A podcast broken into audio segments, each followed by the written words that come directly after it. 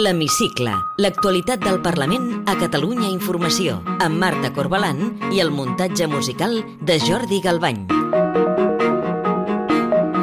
S'esquerda el consens polític per donar resposta a la sentència que imposa el 25% de castellà a les escoles. Junts per Catalunya s'ha despenjat definitivament de la reforma de la llei de política lingüística ideada per esquivar la decisió judicial i que havia firmat fa un mes i mig al costat del PSC, Esquerra i els Comuns. Avui entrevistem la diputada d'Esquerra Republicana al Parlament, Raquel Sanz. Benvinguts a l'Hemicicle. Junts s'ha despenjat del pacte pel català perquè considera que no blinda la immersió, no esquiva la imposició del 25% de castellà a les aules, ni tampoc no té el consens de la comunitat educativa i de les entitats que defensen el català. Ha estat una decisió unànima de la direcció de Junts, anunciada la mateixa setmana que Laura Borràs i Jordi Turull han fet el pas per agafar les regnes del partit.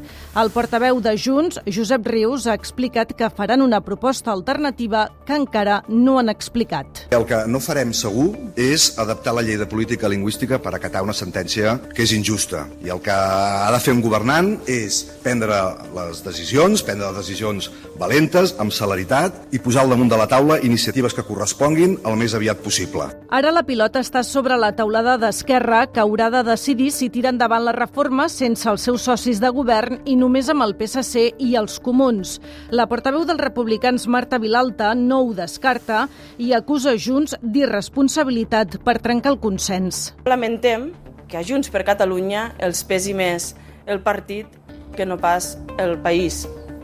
I per tant, doncs, que prenguin decisions en funció dels interessos personals en lloc dels interessos col·lectius de país, com és la defensa i el consens per la defensa de la llengua catalana.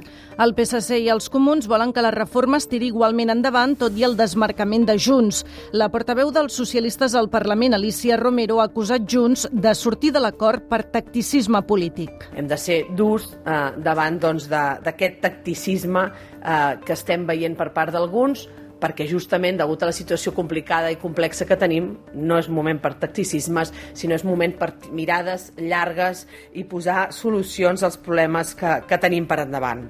Esquerra no tindrà gaire temps per decidir si tirar pel dret perquè els comuns volen forçar un ple extraordinari la setmana que ve per aprovar la reforma. Jessica Albiach ha traslladat tota la pressió sobre els republicans. Volem pensar que el fet que Junts per Catalunya no tingui paraula no ha de significar que Esquerra Republicana no té paraula, perquè, torne a dir, estem en una situació d'urgència. Després que Junts se n'hagi desmarcat, la CUP ha aprofitat per demanar a la resta de partits que retirin la reforma. La diputada copaire Nogai Ndiaye creu que amb aquesta proposta no s'evita l'execució de la sentència. Emplacem al partit que representa Esquerra Republicana i també en Comú Podem que abandonin la seva proposició de llei, que adapta la legislació lingüística a la sentència del 25% i que, a més, no evita l'execució de la sentència, sinó que li dona cobertura política.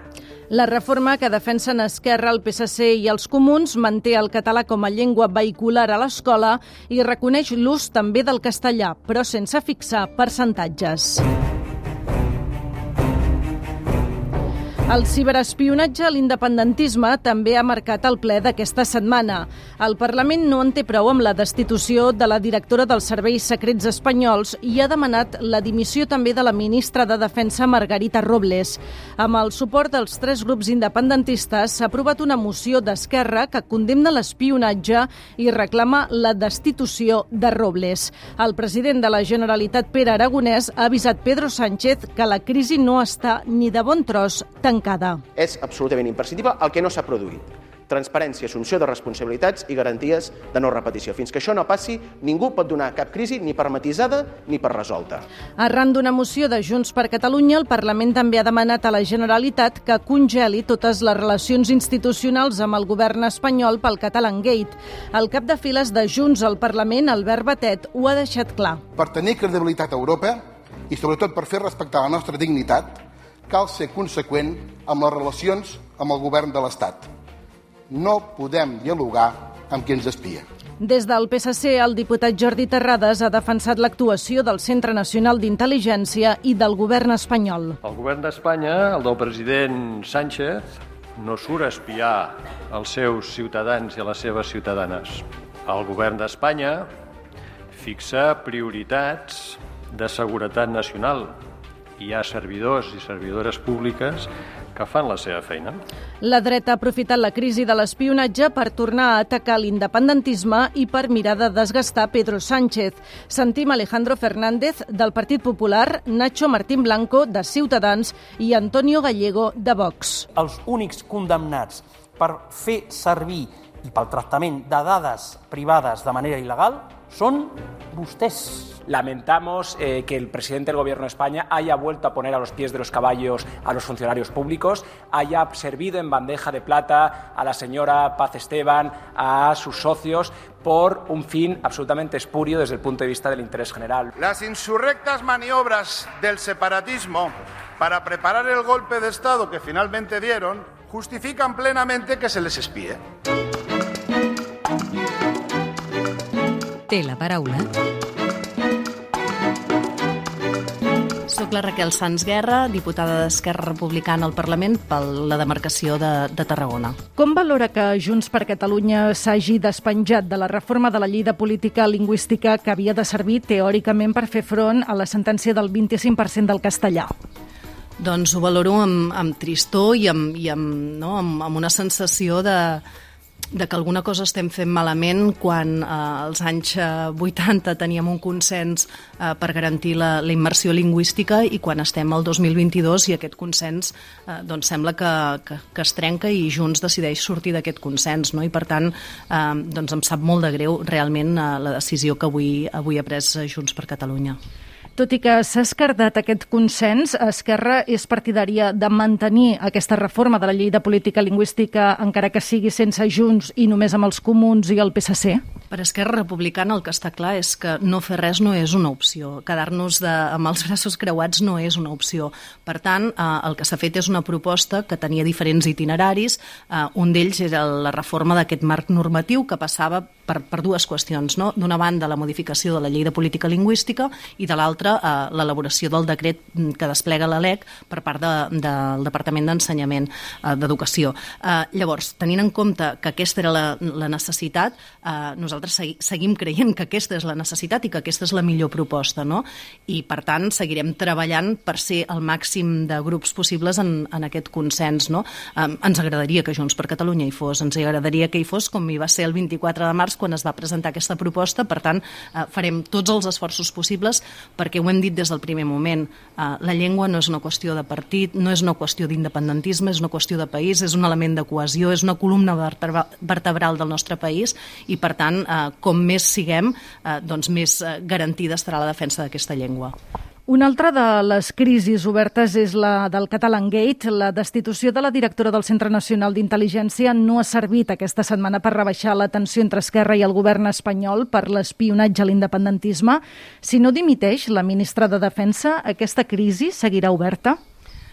La crisi seguirà oberta mentre no hi hagi transparència, mentre no sapiguem què va passar, eh, per què ens van espiar, qui va decidir que ens havien d'espiar, eh, qui ho sabia, eh, qui ho autoritzava, qui ho pagava, no? És a dir, fins que no tinguem aquesta desclassificació de, de, de tots els documents, fins que no es depurin les responsabilitats associades a totes aquestes respostes que, que hem de tenir i fins que no ens garanteixin que això no tornarà a passar. Per tant, no és una destitució maquillatge la que, la que esperem eh, davant d'una de les principals crisis de, de la democràcia de l'Estat, sinó que el que volem eh, és molt clar, eh? transparència, assumpció de responsabilitats, totes les responsabilitats, totes les que calgui en funció doncs, de, de la, la respostes que tinguem a aquestes qüestions i finalment també garantir que això no es torni a produir en el futur. El Parlament ha aprovat precisament aquesta setmana i a proposta del seu partit una moció que demana la destitució de la ministra de Defensa. Entenc que, que com a mínim és una de les responsabilitats que demanen que es depuri? Sí, sí, és una de les responsabilitats i més sentint doncs, eh, no, la manera com s'expressava la ministra de Defensa que va arribar a menys tenir eh, no, el, el, en aquest cas l'espionatge als nostres companys i companyes. Per tant, eh, és evident que, que cal de, depurar responsabilitats al màxim nivell, però no n'hi ha prou. Eh? És a dir, no, això no va d'un nom concret, sinó que això va d'uns fets molt greus, d'una un, extrema gravetat, i per tant el que necessitem és saber realment qui ho va encarregar, eh, no? qui ho sabia, quin estava el cas i qui ho pagava. I un cop sapiguem, un cop tinguem totes aquestes respostes, doncs demanarem totes les responsabilitats, totes, absolutament totes, perquè estem parlant d'un atac a la democràcia. Confia que la reunió entre els presidents Pere Aragonès i Pedro Sánchez servirà per tancar la crisi o per restablir la confiança perduda? En tot cas, servirà per començar uh, no? alguna cosa, perquè si no seus i no parles, si no dones la cara, en aquest cas si el govern espanyol no dona la cara, si el govern espanyol no assumeix la seva part de responsabilitat, doncs és impossible no? que, que la crisi com a mínim es comenci uh, a tenir vies de solució. Per tant, no sóc gaire optimista, també li diré, però en qualsevol cas um, s'ha de començar i per tant el govern espanyol el que ha de fer és donar la cara, el president del govern espanyol uh, té la responsabilitat de, de donar la cara en aquest sentit. Els seus socis de Junts per Catalunya i també la CUP demanen insistentment a Esquerra que trenqui qualsevol relació amb el PSOE i el govern espanyol. Es pot negociar amb qui t'espia? Ho hem dit, és a dir, les relacions estan congelades eh, perquè entenem que no es donen les condicions actualment per poder eh, no, eh, dur a terme aquesta negociació que estem parlant de la resolució d'un conflicte polític i per tant ara mateix no es donen aquestes circumstàncies i aquestes garanties. Mentre no es donin aquestes circumstàncies i aquestes garanties, doncs és evident que no, les relacions estan congelades tal i com s'ha dit en reiterades ocasions per part del president aragonès. Eh, el que sí que també eh, no, hem, hem insistit és que per Esquerra Republicana el diàleg, la negociació és l'aposta política que tenim i per tant, eh, mentre no hi hagi cap altra proposta alternativa, nosaltres eh, volem res resoldre el conflicte polític i per tant hi posarem tota la nostra intencionalitat, tota la nostra feina política per intentar resoldre el conflicte. Això és el que ens demana la ciutadania d'aquest país, eh, però evidentment el govern espanyol el que ha de fer és posar sobre la taula totes les garanties perquè aquesta negociació es pugui dur a terme amb un mínim de condicions i evidentment que t'espin el telèfon no són les condicions necessàries. Si li sembla bé, ens endinsem ara ja en el terreny més personal i li demano si pot contestar amb respostes tan breus com sigui possible. Sent periodista, per què va decidir fer el salt salt a la política?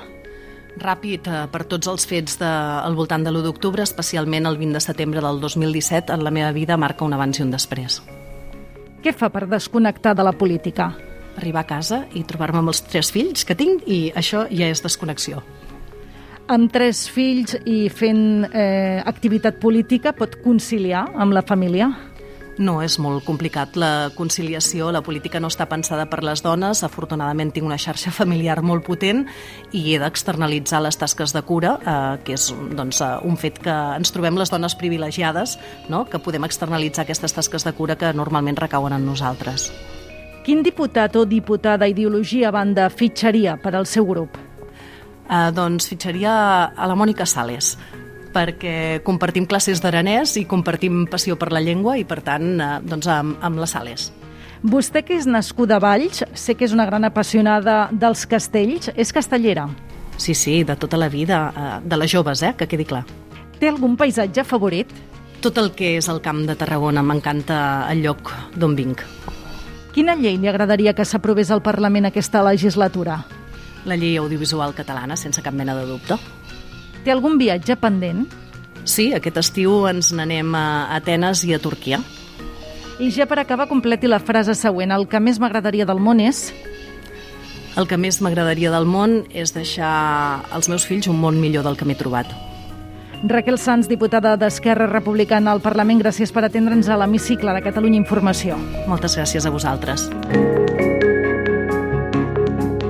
Podeu tornar a escoltar l'hemicicle al web catradio.cat barra hemicicle o al podcast del programa i seguir l'actualitat del Parlament al perfil de Twitter arroba L-hemicicle.